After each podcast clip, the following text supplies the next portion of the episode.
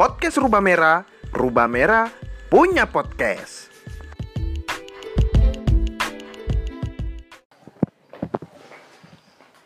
Selamat datang pendengar dari Rubah Merah. Saya admin Bara.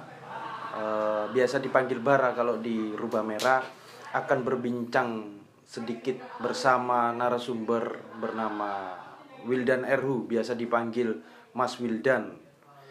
Beliau ini seorang guru sejarah dan pemerhati sejarah secara indie, gitu ya.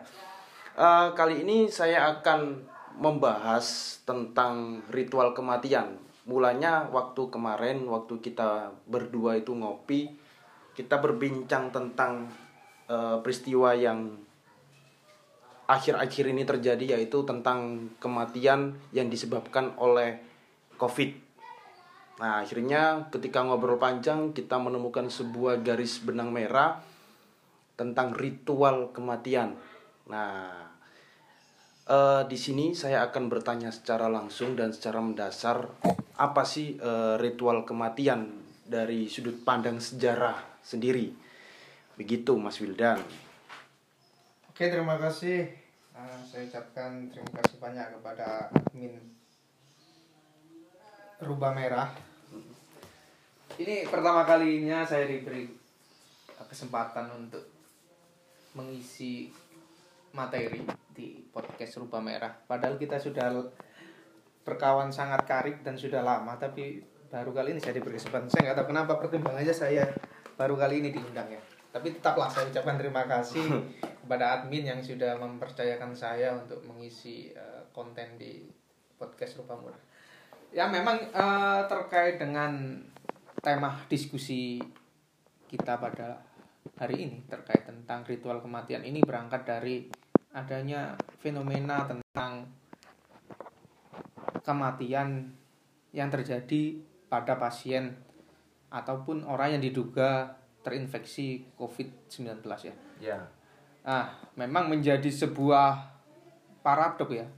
Pada awalnya kalau kita mengamati berita ya baik yang online, yang cetak, yang ada di televisi, pada awal-awal COVID ini mewabah di Indonesia, itu banyak jenazah atau orang yang meninggal itu ditolak dalam proses pemakaman karena memang sebagian warga itu takut akan membawa penyakit itu fenomena awal terjadi.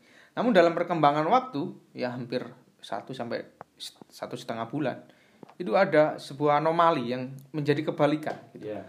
Uh, malah keluarga pasien ataupun warga itu ingin merebut merebut yeah. atau bahkan sam, uh, ada beberapa daerah yang sangat ekstrim itu merebut paksa dengan menggunakan sajam mengancam uh, pihak rumah sakit atau tenaga kesehatan untuk memakamkan secara mandiri tanpa protokol COVID. Lah, dari sini saya kemudian mencoba untuk mencari dan juga membaca beberapa referensi. Kenapa sih kok hal-hal yang seperti ini kemudian muncul di negeri kita, di Indonesia ya? Nah, ini kita uh, saya tidak akan mengkritisi uh, fenomena ini, tapi bagaimana kita mencoba melihat ke belakang bagaimana ritual kematian yang saya istilahkan pada diskusi hari ini itu menjadi suatu bentuk tidak hanya soal kesedihan ya yang pertama yang kedua bukan hanya sekedar orang mati dalam perspektif orang Indonesia dalam sudut pandang kebudayaan apa pun suku ataupun masyarakat adat mana pun melihat kematian itu tidak hanya ketika jasad dan roh berpisah bukan tapi dalam proses kematian atau mengritualkan kematian itu memiliki makna-makna tertentu yang memang menjadi titik penghormatan kepada orang yang meninggal ya hmm. atau jenazah. Karena apa? Karena ini bentuk penghormatan terakhirnya sebagai pihak keluarga atau teman atau sahabat ah, lingkungan kerja untuk memberikan penghormatan kepada si jenazah. Ini terjadi semisal contoh ya kemarin kalau teman-teman lihat di Twitter, di Instagram ataupun di berita televisi itu ada Eh, teman-teman ojol itu bersolidaritas untuk mengantar temannya yang pada saat itu memang dalam posisinya PDB atau pasien dalam pengawasan sudah diingatkan untuk tidak ikut dalam mengantar jenazah ke pemakaman tapi tetap ngeyel lah kenapa kok bisa seperti itu ini bentuk penghormatan ya Lah bentuk penghormatan atau adanya. Ini, bentar, Oke. ini bukan terlepas eh, eh, kecurigaan masyarakat tentang mengerti atau tidaknya tentang virus ini. Ya, oke, terima kasih. Jadi sebelum sebelum kita membahas apakah masyarakat itu mengerti bahaya Iya. ketika ngeyel tetap uh, terlibat dalam proses pemakaman, tapi kita harus membaca ini sebagai sesuatu yang ya kalau kita katakan ba- baru-baru. Jadi bagaimana mungkin ketika kita tahu saudara kita meninggal tapi tidak kita antar, itu kan uh, ada rasa sesuatu yang tidak sempurna Ya. atau sesuatu yang sangat men- mengganjal di hati ah. seseorang atau pikiran lah. Nah, ini terjadi tidak sekonyong-konyong ada dalam kebudayaan kita gitu. Ah, kalau kita membaca narasi sejarah dalam tradisi yang paling purba pun itu ciri adanya evolusi manusia secara kognitif ya pengetahuan itu ketika dia bisa melakukan pengurusan jenazah. Nah, pengurusan jenazah ini termasuk di dalamnya adalah ritual kematian ya. Baik itu ketika bagaimana eh, meletakkan jenazah, bagaimana kemudian em, eh, menempatkan jena- jenazah pada tempatnya ataupun ada ritual-ritual setelah pemakaman itu terjadi.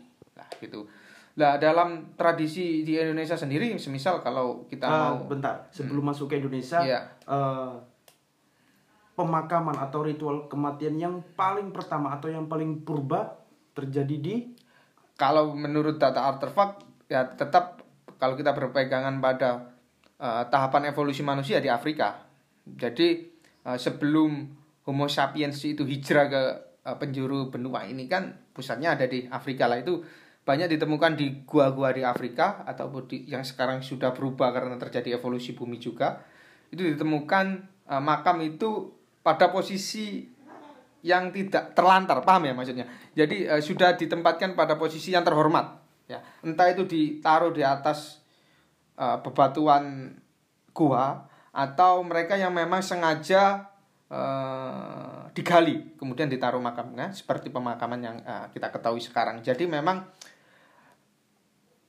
kalau kita membahas tentang purba ya atau prasejarah tentang eh, kehidupan manusia yang pertama yang sudah modern yang sudah memiliki ukuran otak hampir 1600 cc itu salah satu ciri dikatakan manusia cerdas itu ketika dia sudah memiliki kemampuan untuk menyimbolkan sesuatu.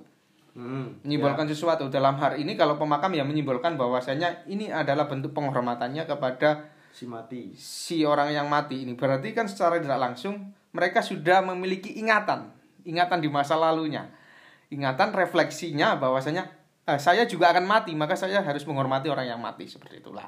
Ini nanti kalau kalau berkembang di peradaban dunia baik itu yang eh, berasal dari eh, Afrika kemudian ke yang peradaban-peradaban yang tua ya termasuk di Eropa di Tiongkok di eh, Asia Tenggara Iya. ataupun sampai ke eh, Amerika Latin pun ada eh, kegiatan-kegiatan atau ritual kematian yang memang eh, ini bertujuan bukan hanya untuk mengungkap kesedihan tidak tapi juga memiliki simbol-simbol religi lah keyakinan-keyakinan tersebut terbentuk kemudian harus ada yang dihormati bahwasanya jasad ini yang meskipun meninggal tapi mem- masih memiliki kontak ya Iya. masih memiliki uh, hubungan antara yang hidup dan yang mati maka kemudian kalau dalam perkembangan uh, kalau istilahnya animisme dinamisme Mm-mm. itu kan kita harus menghormati orang yang ah, maksudnya makhluk di luar kita yang ada di sekitar Ya, benar-benar. atau yang ada di wilayah kita. Berarti itu kan menghubungkan bahwasanya orang yang sudah mati itu tetap bisa melihat kita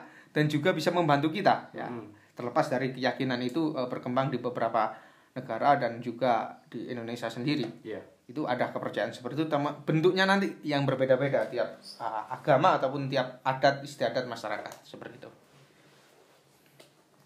Eh, berbicara tentang ritual kematian ya, eh, saya kemarin membaca beberapa tulisan yang memang spesifik membahas tentang ritual kematian. Saya eh, saya di sini akan menjelaskan atau sedikit, sedikit mengulas tentang ritual kematian sebagai ritus. Jadi hal-hal yang dilakukan praktik-praktik upacara. Dan yang kedua adalah yang bersifat kebendaan yaitu makamnya. Iya. Jadi dalam kajian kebudayaan kan lazim seperti itu. Ah, Eh, untuk ritus yang upacara ini apakah akan dibedakan menjadi tiga? Misal eh, penghormatan yang paling utama itu untuk kalangan bangsawan atau Oke. untuk kalangan tertentu atau nanti dibagi lagi menjadi apa? Ya, tetap. Jadi eh, salah satu eh, konsep eh, menghormati jenazah atau menghormati orang yang mati itu memiliki stratifikasi ya kalau dalam eh, pelajaran sisiologi kan ada stratifikasi. Bentuk Ya. ya, kalau kalau is- kita istilahkan kasta kan nggak semua orang itu berkasta, tapi kalau stratifikasi kan pasti ada. Ya. Ya. Nah, ini tergantung bagaimana kemudian kedudukan orang yang mati ini tetap memiliki faktor menentukan dalam kegiatan upacara kematiannya. Kematian. Ya. Dalam tradisi apa pun, ya, dalam tradisi dan agama apa pun tetap menempel uh, hal-hal yang seperti ini. Jadi meskipun agama itu tidak mengajarkan sistem kasta, tapi kalau stratifikasi sosial dalam uh, proses ritual kematian tetap ada. Mm-mm. Ya, saya contohkan saja kalau yang paling purba itu bentuk makamnya tentu berbeda-beda. Kalau yang kemudian ini uh, seorang yang dianggap menjadi ketua adat, maka Dihormati lah. Ya. dihormati. bentuknya ya kalau di Indonesia itu bukti artefaknya ada yang namanya dolmen. Dolmen itu semacam meja dari batu. Lah itu mayatnya diletakkan di situ. Di- Didoakan sebelum kemudian di proses penguburannya. Jadi itu juga uh, menurut penelitian uh, arkeologi juga memiliki fungsi yang tergantung dengan si mayatnya ini tadi. Kalau dia orang yang terpandang di zamannya itu, maka dolmennya lebih besar seperti itu. Jadi tetap memiliki uh, tidak bisa meskipun semua yang ma- yang mati itu akan kembali menjadi mayat, tapi tetap dia membawa status sosialnya ini. Itu terjadi juga ketika ya kita bilang ketika orang Indonesia sudah mengenal agama-agama muson ya. Kenapa saya istilahkan sebagai agama-agama muson karena dibawa oleh angin kan ya. Ya. Karena adanya perdagangan itu juga seperti itu. Cuma kalau dalam konsep Hindu Buddha itu bedanya orang yang sempurna matinya itu kan orang yang berhasil melakukan uh, istilahnya reinkarnasi ya. Jadi di- dia akan dilahirkan kembali gitu. Jadi dalam cerita-cerita babat atau hikayat raja-raja Nusantara pada saat itu sebelum menuju kematian ini raja akan melakukan yang namanya mukso kan ya. Iya. Hilang. Nah ini a- akhirnya kan eh, sedikit eh, bersinggungan dengan apa yang sampai sampaikan tadi kan Hmm. eh, terbagi menjadi eh, ritual kematiannya sama eh, makamnya. Ya, makamnya. Kalau moksa ini kan nggak ada makamnya. Ya nggak ada makamnya, tapi tetap ada bentuk penandanya. Tetenger ya. Contoh, contoh. Tetenger contoh tetenger yang ada di sekitar kita paling sederhana saja. Kita nggak bahas yang uh, sisa-sisa kerajaannya. Iya. Kita kalau masyarakat di Jawa lah ya, baik itu yang pesisir atau yang selatan itu tetap mengenal istilah punden. Ya Bunden. Punden itu kan belum tentu makam. Tapi tetenger bahwasanya di situ dulu ada sesepuh desa yang istilahnya menjadi petapa atau orang yang kemudian menyendiri di situ dan mengalami mukso. Jadi punden itu tidak selalu berkaitan dengan makam yang pertama. Oh Ya, atau dalam kalau kita melihat ya sekarang mungkin kalau teman-teman mengikuti beberapa perdebatan sejarah itu yang paling menarik ya makamnya Raden Wijaya itu katanya kan sekarang itu ada di ah, daerah Trawulan itu Iya. padahal kalau dalam tradisi Hindu itu kan orang meninggal di ngaben atau di- dibakar ya. Tapi kan kita nggak bisa samakan dengan konsep Hindu yang sekarang di Bali itu. Jadi apakah jadi ada yang memprotes gitu. Benar tak itu makamnya Raden Wijaya gitu? Bukankah bukannya orang orang Hindu itu tidak di makam? Tapi dibakar. dia dibakar. Ya kita bo- boleh merekonstruksi juga bahwasanya kalau kita lihat proses pemakaman yang ada di Islam dalam hal ini kita uh, ke Arab ya sebagai sumber uh, kedatangan agama Islam ya bentuk makamnya nggak sama yang seperti Indonesia gitu Iya. jangan-jangan makam Islam yang hari ini di digunakan oleh uh, masyarakat Islam atau komunitas Islam itu sudah bercampur atau berakulturasi, berasimilasi dengan kebudayaan-kebudayaan yang ada di lokalitas gitu. Pada saat itu kan semisal Islam sebelum ke sini uh, berhenti dulu di uh, India, maka kemudian tidak mengherankan jika uh, makam-makam para aulia atau makam-makam para pendakwa Islam pertama itu ada ciri-ciri huruf-huruf kufi ya, huruf-huruf yang ada di India Selatan, di Malbar, di Gujarat seperti itu. Begitu juga dengan materinya, materi uh, kuburnya itu kan, misal yang ada di uh, di sini kalau kita yakini makamnya Fatimah binti Maimun itu kan berhuruf kufi, Ya. Nah, itu di wilayah India Selatan. Atau yang makamnya Mal Ibrahim juga corak uh, batunya itu berasal dari Gujarat, Mal Ibrahim seperti itu. Jadi uh, Tapi akhirnya masyarakat mengidentifikasi bahwasannya makamnya Ageng Pinati eh, makam Malik Ibrahim Ya. adalah makam Islam. Ya gitu, Pad- padahal itu uh, bu- bu- tidak ada kalau kita bahas dalam ajaran Islam tidak ada makam bentuknya harus gimana kan nggak ada. Itu kan sentuhan-sentuhan kearifan lokal saja. Ini kalau ngomong perkembangan kemakaman uh, bentuk pemakam ya. Padahal dalam istilah Jawa sendiri itu ada ada pengistilahan selain makam ya. Semisal uh, kalau kita tahu ada pesarean, Ya, astana atau asta. Nah, itu kan tempat makam-makam raja eh, yang lazim digunakan di wilayah Jawa Tengah atau di Jogja ya Mataram Islam itu menggunakan istilah itu. Tidak menggunakan istilah makam. Meskipun dalam eh, beberapa hal ini saya loncati nggak apa-apa ya. Nggak apa-apa, jadi eh, apa-apa. kita berangkat tidak dari eh, skema yang eh, runtut. Jadi makam itu kan dari bahasa Arab yang pengejaannya adalah makom. atau tempat ya. Begitu juga dengan kubur. Itu dari bahasa Arab juga yang uh, memiliki makna sama tempat di mana jenazah itu disemayamkan seperti itu atau di, di ditempatkan menjadi peristirahatan terakhir tapi makam dan kuburan ini memiliki kedudukan meskipun tidak tegas ya saya contohkan ketika kita menyebut makam maka identik dengan tempat di mana orang terhormat itu disemayamkan. Mm-mm, ya. Misalnya makam Bung Karno, nggak mungkin orang menyebut kuburan Bung Karno itu di mana? Nggak, makamnya Bung Karno di mana? Jadi meskipun tidak tegas kedudukannya, kuburan dan makam ini ternyata memiliki apa kedudukan dalam penggunaannya dan mengikuti siapa yang kemudian disemayamkan di situ. Jadi kalau kuburan itu kan lebih jamak rakyat biasa ya, Iya, iya. orang kebanyakan ya. Kuburan desa Ah, Pongangan. Ya, gitu. gitu. Kuburan. Kuburan yang di sini kalau yang di sini kuburan kembang kuning gitu kalau di Surabaya. Kuburan Randu Agung gitu orang menyebutkan. Karena sifatnya adalah jamak banyak untuk kebanyakan orang gitu. Sedangkan makam itu memiliki kedudukan yang lebih eh, utama bentuk penghormatannya. Lah dalam hal ini eh, makam itu tidak hanya selesai dalam urusan tempat jenazah itu disemayamkan tapi juga kalau dalam kajian antropologi memiliki makna sosial, religius dan ekonomi. Ini yang menarik dalam perkembangan. Ini ter- makam juga termasuk dalam ritual kematian ya. Iya. Jadi tidak selesai orang dimakamkan selesai kemudian tapi ada hidup menghidupi gitu. Dalam eh, Hidup menghidupi berarti kayak contohnya eh, orang-orang yang melakukan ziarah. Ya, ziarah. Itu kan kemudian- simbol Heeh. religiusitas ya orang bertujuan ziarah terlepas ada yang pro dan kontra itu kan sebenarnya agar dirinya ingat bahwasanya dia akan juga mati ya. Nah, sedangkan dalam tradisi ziarah kalau kita ngomong Islam itu kan berkaitan dengan eh, pengkalenderial ya.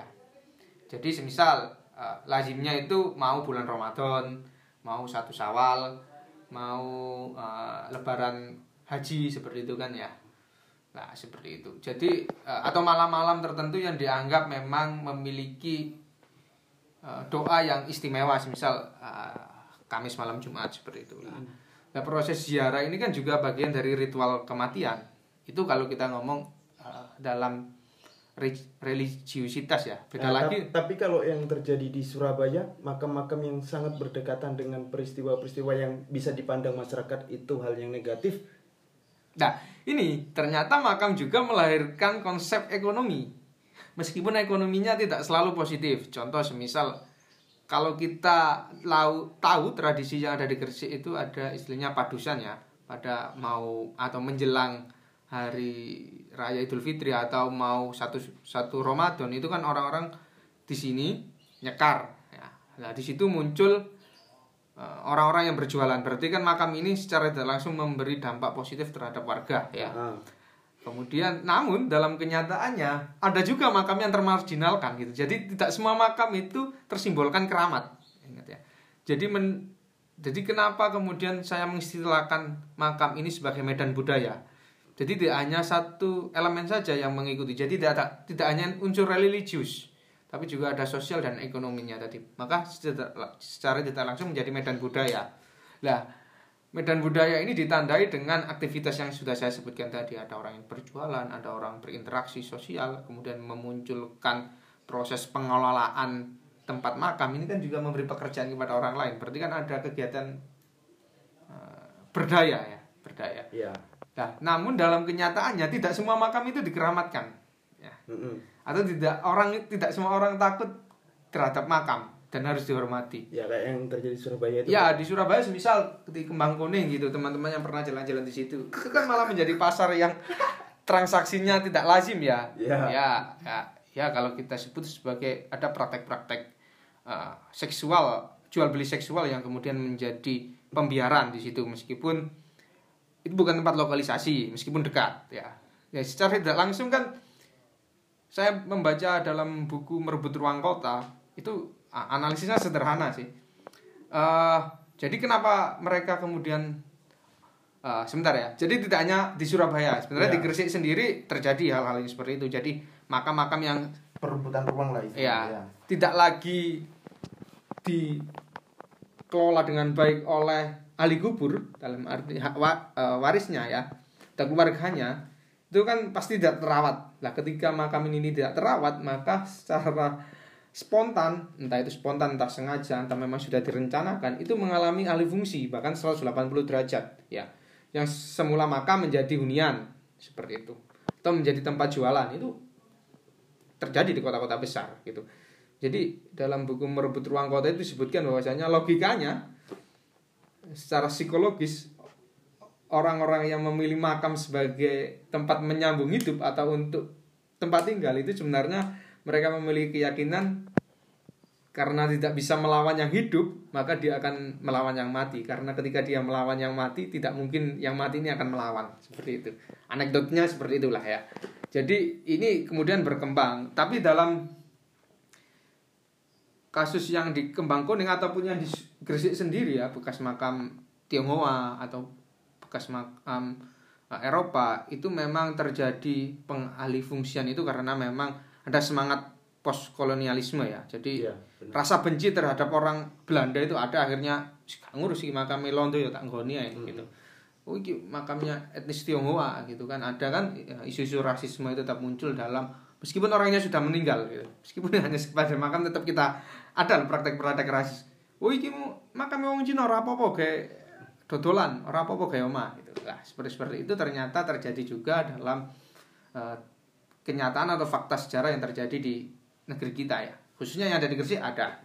Jadi itu kalau kita membahas tentang prosesi atau eh, makam dalam sudut pandang ritual ya. Lah ritual kematian sendiri kalau dalam tradisi Islam Jawa itu memiliki rangkaian ya. Rangkaian yang semuanya saling berhubungan ya. Jadi dalam tradisi dan kebudayaan Jawa itu kan ada yang disebut sebagai upacara lingkar hidup, nah, ada yang disebut sebagai upacara lingkar kematian atau upacara kematiannya. Upacara lingkar hidup ini adalah kegiatan atau ritus yang dilakukan ketika orang ini mau lahir dan Ya. juga orang ini sudah ada sudah dilahirkan atau sudah beraktivitas di dunia. Jadi semisal kalau dalam keseharian kita gitu kita mengenal istilah tingkap, Mm-mm. kemudian ada neloni, Ya. ada mitoni. Ya. Nanti kalau lahir ada istilah mudun lemah. Kalau istilah orang Jawa itu sebenarnya tidak mengenal ulang tahun, yang ada adalah metoni, weton. Hari lahirnya disesuaikan dengan pasaran Jawa. Jadi misal Minggu Pahing, Kemis Legi itu kemudian diselamati ya. Nah, Ulang tahun konsep Jawa Ya. berarti ya. jadi di dalam Jawa sebenarnya tidak ada istilah ulang tahun, adanya adalah weton ya, disesuaikan dengan tanggal ah bukan tanggal ya hari lahirnya Hari, hari, hari. sesuai dengan hari Jawa Ya. atau pasaran Jawa itu. Nah ini semua selalu dirayakan dalam artian gini orang menikah itu juga dirayakan. Anak yang baru lahir itu disilakan modun lemah juga dirayakan. Dalam hal ini mengundang eh, sanak famili kerabat tetangga untuk datang ke rumahnya. Dan itu juga terjadi ketika orang meninggal ya meskipun ada yang pro kontra gitu kan. Ketika orang meninggal itu tidak selesai ketika jenazah diantar ke makam selesai. Tapi juga ada proses atau ritual yang sering kita dengar gitu. Nyelameti wong mati gitu kan. Atau sekarang mungkin lebih populer istilah tahlilan nah dalam eh, tradisi ini itu disesuaikan dengan hari meninggalnya kan gitu. Misal telung dinoe mitoni tujuh harinya. Iya. ah, petang puluh dinoe 40, 100 hari nih pendake kemudian sewu nih. Biasanya berhenti di sewu. Iya. lah ini kalau orang orang biasa ya. Orang biasa. orang kemudian. Tapi kalau yang meninggal itu Punya kedudukan? kedudukan bagi sebagai Islam orang yang terpandang Hmm. eh, sebagai pemuka agama atau pejabat tertentu itu biasanya ada eh, momen-momentum ya momen-momentum yang eh, tahunan. Kita istilahnya haul gitu kan ya. Kalau di sini ada haulnya Sunan Giri haulnya Sunan Ampel haulnya Malik Ibrahim haulnya Mbah Sindujoyo gitu.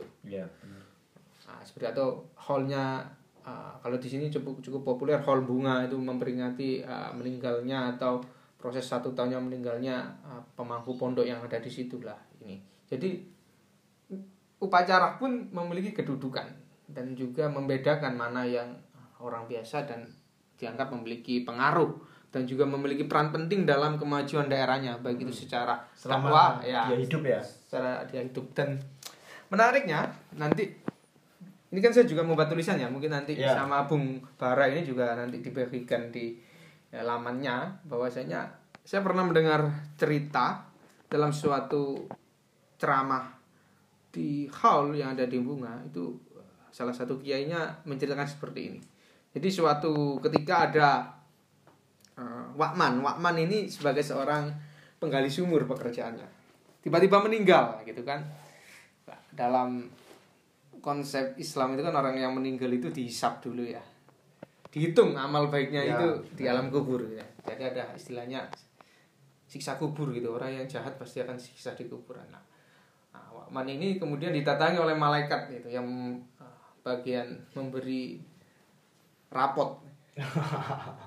Jadi Ya. istilahnya memberi catatan amal baik dan dosanya ketika dia masih itu. Sama malaikat dibilang gini, Wakman sampai ini melbu neraka. Sama Wakman ini percakapan. Gak iso kat. Kok sampean sing menentukan aku melbu neraka apa gak? lambat malaikatnya bingung ini kok dilebok neraka ora akhirnya suatu ketika datang lagi uh, orang atau malaikat yang mengantar pahala kepada Wakman enam karung gitu terus kemudian di hari berikutnya ada lagi yang mengirim pahala kebaikan 10 karung gitu ternyata kebaikan-kebaikan ini datang dari orang yang mengambil air di sumur yang dibuat oleh Wakman gitu. Jadi Eh, seketika Wakman menjadi kaya raya waktu di eh, di di makam di alam kuburnya itu menjadi alam raya dan kemudian ketemu temannya gitu. Namanya Wajah bukan itu saya kok soge? gitu. ya soalnya saya dulu kerjanya adalah orang yang membuat sumur. Jadi amalan kebaikannya jasa baiknya di dunia itu masih terus mengalir meskipun dia sudah meninggal ini kan kalau dalam konsep Islam itu kan amal jariah ya. Cuma kalau dalam nah, biar mudah dipahami oleh masyarakat yang umum itu kan diceritakan hal-hal yang seperti itu. Jadi hubungan manusia yang meninggal dan, dan orang yang masih hidup itu masih terjalin ketika orang ini memiliki jasa baik gitu. Ya. Nah ini menjadi cerita-cerita yang lazim terjadi di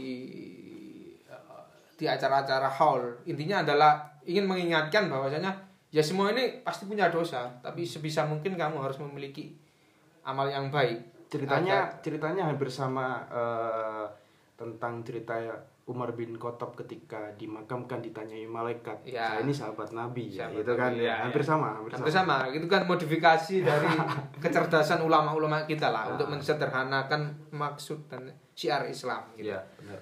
Dan memang ini yang uniknya yang ada di pesisir ya karena secara langsung kalau kita ngomong Gresik ini kan memiliki peran penting dalam proses ajaran Islam ini berkembang di Jawa. Jadi sentuhan-sentuhan atau kekreatifan eh, para ulama dulu dalam mengkonsep Islam dan tradisi Jawa itu berbeda dengan semisal kondisi Islam yang ada di pedalaman yang lebih hierarki Ya membaca kebudayaan lah pastinya Ya, ya. hierarki. Kalau di sini lebih egaliter ya. Jadi ah, lebih bisa menerima secara cepat atau adiktif lah kalau istilahnya. Itu yang terjadi di di sekitar kita. Itu yang saya rekam dalam ah, ingatan saya dan sampai hari ini pun ritual kematian terus berkembang dan berdialektika mengikuti zaman gitu. Apalagi kalau sekarang di masa pandemi gitu kan. Saya kemarin ada uh, sebelah desa itu meninggal gitu kan nggak mungkin diadakan secara tahlilan mengundang banyak orang gitu maka uh, Pak Mudin atau orang yang dianggap memiliki kemampuan uh, agama atau orang yang memimpin doa itu um, melaksanakannya tidak secara online tidak tapi dipimpin atau uh, diikuti oleh jamaah dari rumah. Pak Mudinnya ada di masjid jadi pakai speaker gitu. Jadi eh, adanya pandemi ini juga akan nantinya merubah konsep-konsep ritual kematian yang ada eh, di masyarakat kita gitu khususnya yang ada di Jawa lah ya, yang sangat eh, erat dengan tradisi-tradisi Bahkan ada beberapa negara Eropa itu yang eh, negaranya itu eh, mengusulkan untuk mayat-mayat yang terkena COVID itu dikremasi. Meskipun banyak penolakan-penolakan. Ya. gitu.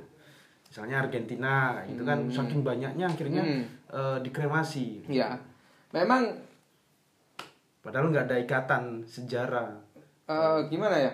Kita melihat ritual kematian ini memang pada nantinya ketika orang ini sudah atau pemakaman kuburan ini sudah mengalami titik jenuh ya sudah full itu akan terjadi hal-hal yang dirasa tidak seharusnya terjadi gitu.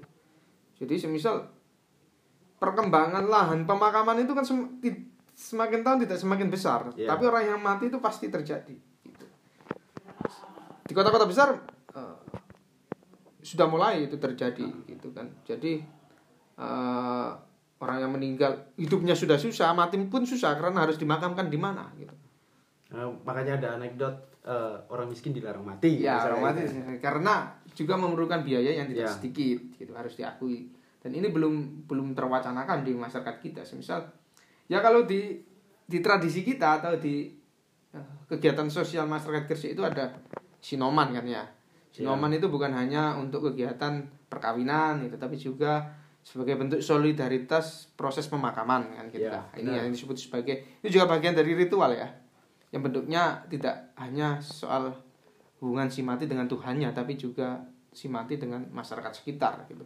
Kalau dia dulunya aktif bergotong royong membantu orang yang kesusahan maka otomatis orang yang lain juga mempunyai kewajiban yang sama untuk membantu orang yang meninggalin atau keluarga yang ditinggalkan gitu.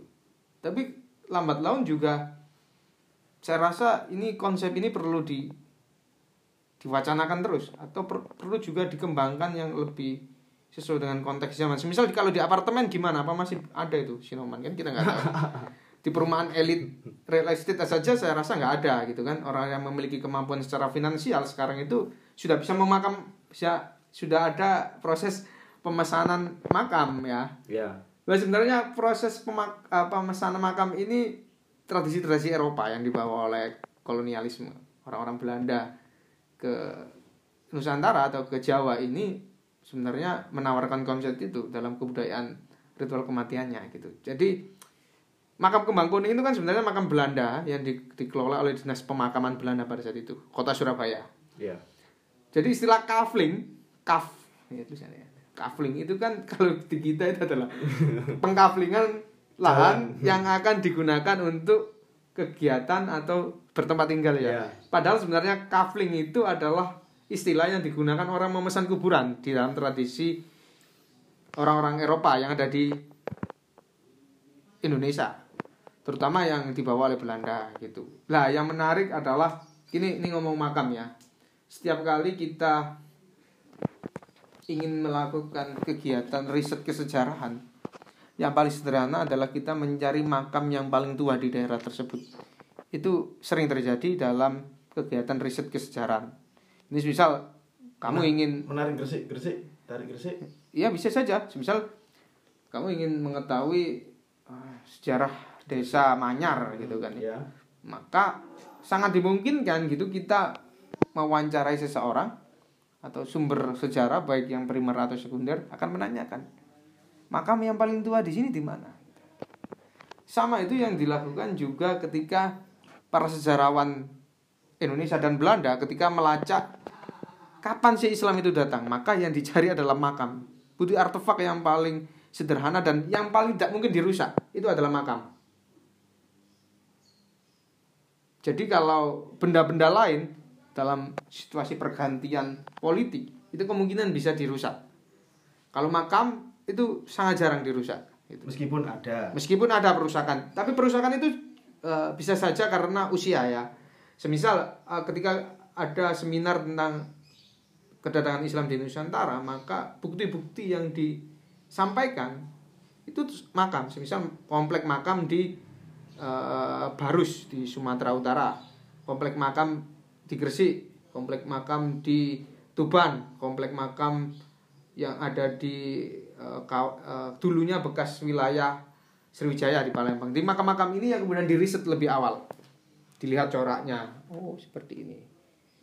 Lah, ini memiliki makna bahwasanya meyakinkan, oh kalau bentuknya seperti ini, maka kemungkinan besar Islam yang ada di daerah ini datangnya dari wilayah ini gitu. Oh, makam ini memiliki kemiripan makam yang ada di sana gitu. Ini di apakah dalam Islam saja? Tidak. Dalam tradisi atau dalam kita mau meriset misal kedatangan agama Kristen ya yang di Indonesia ya kita bisa saja melihat makam-makam yang ada di pemakaman orang Eropa gitu karena itu tentunya membawa eh, identifikasi tertentu gitu karena orang Eropa itu salah satu tradisinya itu kan menempelkan nama keluarga. Kan? Misal Michael Schumacher gitu kan. Pasti anaknya ada Schumachernya. Atau eh, misal orang-orang Belanda gitu kan. Itu selalu ada nama nama keluarganya. William siapa William siapa gitu lah. Itu untuk melacak itu biasanya kita cari makamnya ini. Gitu. Misalnya di Gresik yang dulu menjadi pusat perdagangan VOC gitu. Masa orang VOC nggak ada yang mati dan kemudian dimakamkan di Gresik? Ya pasti ada. Nggak mungkin kan dimakamkan semua di Surabaya atau di area tertentu. Pasti ada yang di Gresik gitu. Apakah semua makam orang Eropa itu adalah Nasrani? Ya belum tentu gitu. Yang datang ke sini kan bukan hanya Nasrani, mungkin juga ada yang Yahudi gitu. Nah, itu memiliki simbol-simbol di situ kalau kita mau riset eh, me- melihat bagaimana perkembangan agama tertentu di daerah maka yang kita gunakan adalah pendekatan atau melihat makam sebagai objek kajiannya dulu gitu. Ini yang ini yang menarik ya kalau kita berbicara makam sebagai bukti sejarah atau artefak. Jadi eh, kematian kenapa kemudian sekarang orang mulai ribut mengambil jenazah meskipun dia positif gitu. Ya ini bentuk proyeksi mereka. Bahwasanya yang meninggal harus dihormati dan ya ini kesempatan saya memberikan hormat kepada orang yang sudah meninggal gitu. Meskipun seharusnya kita juga harus mengedukasi dan memberi pengertian bentuk penghormatannya tentu tidak harus sama dengan orang yang meninggal secara wajar. Ini yang harus ya namanya kebudayaan nggak bisa hanya sekedar instruksi atau uh, himbauan dari uh, pengambil kebijakan dalam hal ini pemerintah ya tolong jangan ikut pergi ke makam nggak bisa. Tapi juga harus melibatkan mereka yang kita sebut sebagai agen kebudayaan ya agen kebudayaan ya bisa kiai tokoh masyarakat eh, atau mereka yang memiliki kemampuan untuk menjelaskan itu jadi saya rasa perlu itu mengedukasi masyarakat bahwasanya pada kondisi tertentu eh, kita tidak bisa harus terus melaksanakan ritual yang lazim terjadi gitu. Tapi memang ngomong ritual kematian ataupun orang yang meninggal ini memiliki apa ya sesuatu yang sangat pelik gitu. Dalam awal-awal waktu terjadi di Indonesia mau apa juga ya Iya. itu juga ada sampai jenazah itu yang ditolak saya membaca ketika di Indonesia terjadi wabah pes atau ketika terjadi wabah apa Bukan namanya? wabah lah yang ditolak yang eh, sempat terjadi tahun kemarin kalau nggak salah tahun Iya. kemarin itu tentang eh, peristiwa terorisme. ya terorisme pun ditolak karena menganggap ini akan membawa sial gitu. Membawa sial ya. Eh, termasuk wabah terus orang yang matinya tidak dikehendaki secara lazim ya. entah teroris penjahat gitu kan. Banyak yang ditolak. Karena dianggap akan membawa bencana bagi desanya.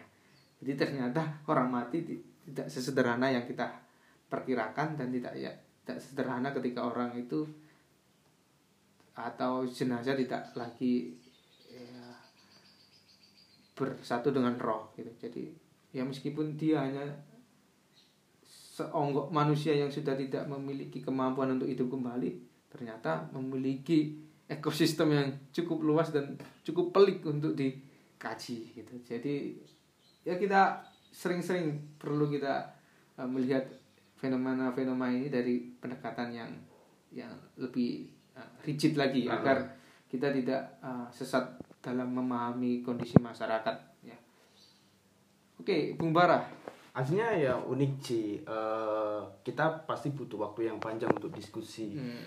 ritual kematian ini karena bahkan setiap daerah-daerah itu eh, itu memiliki ritual kematian yang sangat beragam. Ada yang ada yang potong jari, terus ada yang disebutkan sama Mas Widran tadi, ada yang eh, dibiarkan atau bukan dibiarkan sih, di, ditaruh di atas tanah kayak gitu. Ada yang dimakamkan eh, di di bawah tanah dan sebagainya liang lahat ya nah, yang lahat. Ya. Mungkin eh, ini kan podcast. ya Eh, ada apakah ada statement penutup tentang ritual kematian? Kenapa eh, ritual kematian ini harus kita maknai eh, secara luas? Kan kan kebanyakan eh, bukan kebanyakan ya kan Kar- karena ada beberapa kelompok yang memandang eh, bahwasanya kematian tidak perlu dihormati hmm. Iya kan kayak gitu. Biarkan kalau udah mati ya udah mati itu udah udah tanggung jawab antara si mati dengan Tuhannya kayak Iya. gitu. Oke. Saya sebenarnya hanya mem- memaparkan fakta saja meskipun terjadi pro kontra ya terhadap ritual kematian. Saya Ya. tidak akan membahas itu dalam uh, perspektif saya meskipun saya juga bisa saja menjelaskan hal itu tapi uh, nanti biar tidak uh, apa terjadi tafsiran yang berbeda gitu. Ah, benar benar. Memang dalam tradisi Islam yang sangat puritan, ya, sangat ingin kembali ke asas kemurnian, memang uh, Ya, penghormatan itu tidak harus seperti yang ada di Jawa hari ini ya. Padahal di jantung modernitas di Inggris ya, lahirnya revolusi industri, orang yang sudah memiliki kemampuan uh, kemajuan teknologi yang cukup tinggi itu tetap melihat makam sebagai tempat yang harus dihormati gitu. Orang yang paling katanya ini nabinya komunisme ya atau ya nabinya marxisme ya.